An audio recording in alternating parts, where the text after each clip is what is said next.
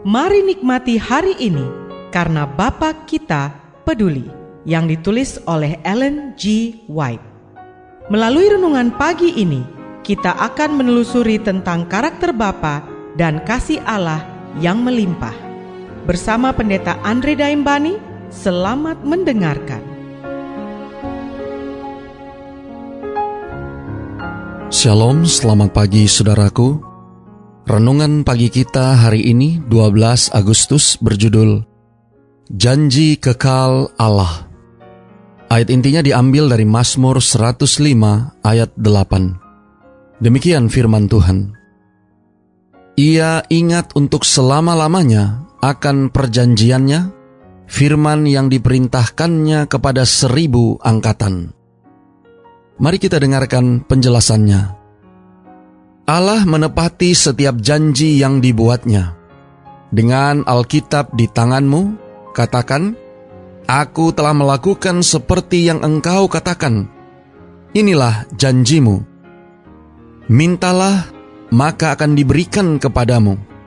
Carilah, maka kamu akan mendapat. Ketoklah, maka pintu akan dibukakan bagimu. Sebagaimana dicatat dalam Matius 7 ayat 7. Pelangi di sekitar tahta adalah jaminan bahwa Allah itu benar, bahwa di dalam Dia tidak ada sifat berubah-ubah, tidak juga terdapat bayangan perubahan. Kita telah berdosa terhadap Dia dan tidak layak mendapat kemurahannya. Namun Ia sendiri telah menaruh dalam bibir kita permohonan paling indah. Janganlah engkau menampik kami, oleh karena namamu, dan janganlah engkau menghinakan tahta kemuliaanmu. Ingatlah perjanjianmu dengan kami, janganlah membatalkannya.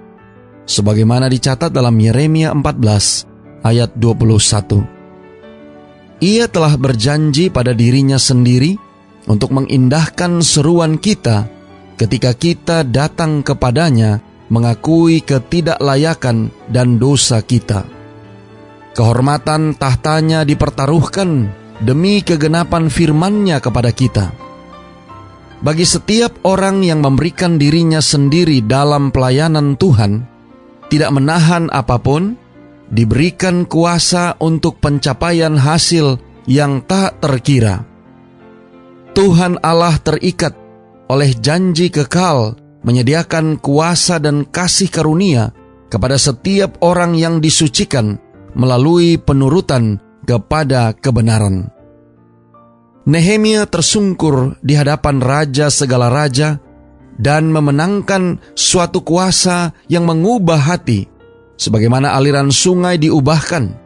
Kita bisa lihat dalam Nehemia 1 dan Nehemia 2. Berdoa sebagaimana Nehemia berdoa di saat ia amat memerlukan adalah cara yang bisa dipilih orang Kristen dalam keadaan di mana tidak ada bentuk doa lain yang memungkinkan.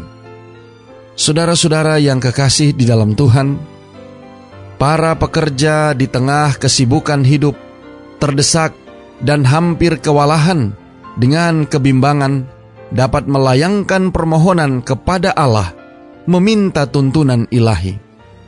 Di masa kesulitan yang mendesak atau bahaya, hati boleh menyerukan permintaannya mencari pertolongan kepada dia yang berjanji menolong hamba-hambanya yang setia dan percaya kapan pun mereka memanggil dia.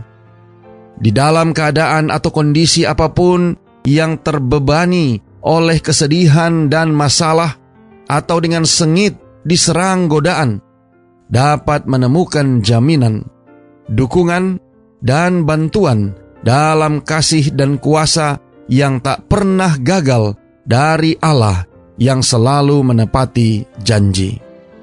Doa kita hari ini. Bapa terima kasih. Melalui renungan pagi ini, kami boleh kembali diingatkan tentang janji kekal Allah. Terima kasih melalui renungan pagi ini, kami boleh diingatkan tentang pentingnya berdoa sebagaimana Nabi Nehemia.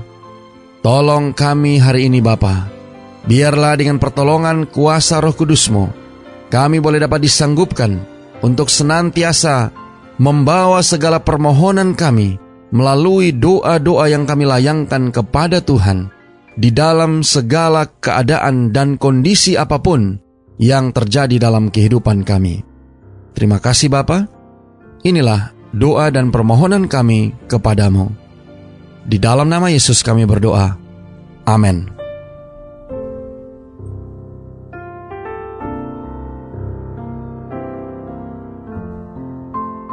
Demikianlah tadi pembahasan tentang Bapa kita peduli.